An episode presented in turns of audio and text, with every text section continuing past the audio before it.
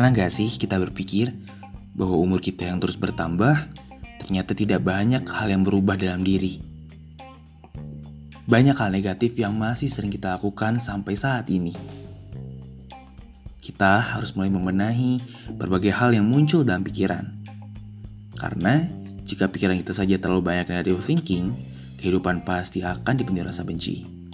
Dari sinilah akan menimbulkan rasa dengki yang terpancar pada tindakan sembrono dan hal-hal buruk yang tercipta dalam kehidupan sehari-hari. Lantas, apa yang harus kita lakukan? Mendewasakan diri.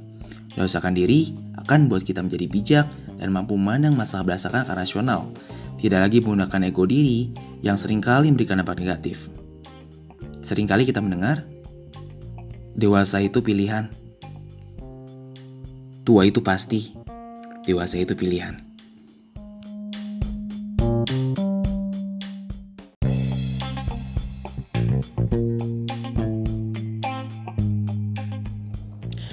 Pilihan apa?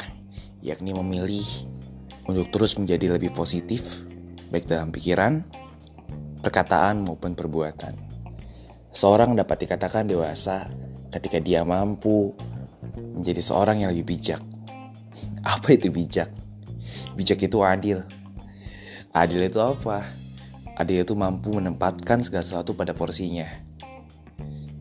Adil bukan tentang sama rasa, bukan tentang sama, bukan juga tentang suatu kesatuan yang harus merata. Adil itu tentang penempatan porsi yang sesuai.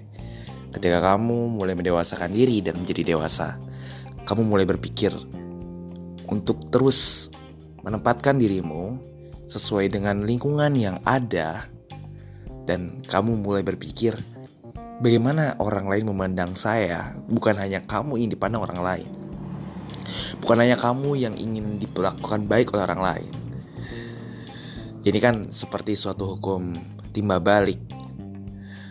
Analoginya ya ada gula ada semut gitu kan. Ketika ada gula ya banyak semut.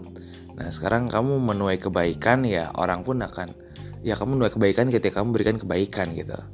Nah dewasaan juga seperti itu. Jadi tentang kedewasaan ini merupakan sesuatu yang sangat amat penting untuk terus kita pelajari dan kita capai nantinya. Gitu